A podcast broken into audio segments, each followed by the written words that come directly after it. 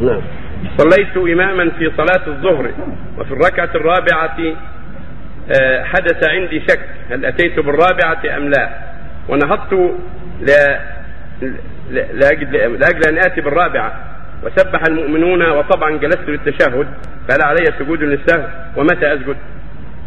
إذا شك الرابعة هل الرابعة أو الثالثة فقام يأتي بالرابعة فنبه فإنه يجلس ويتشهد ويكمل ثم يسجد السهو قبل أن يسلم لأنه حينئذ بنى حين قام أراد على اليقين والرسول أمر من بنى اليقين أن يسجد السهو قبل أن يسلم السنة هو قبل أن يسلم.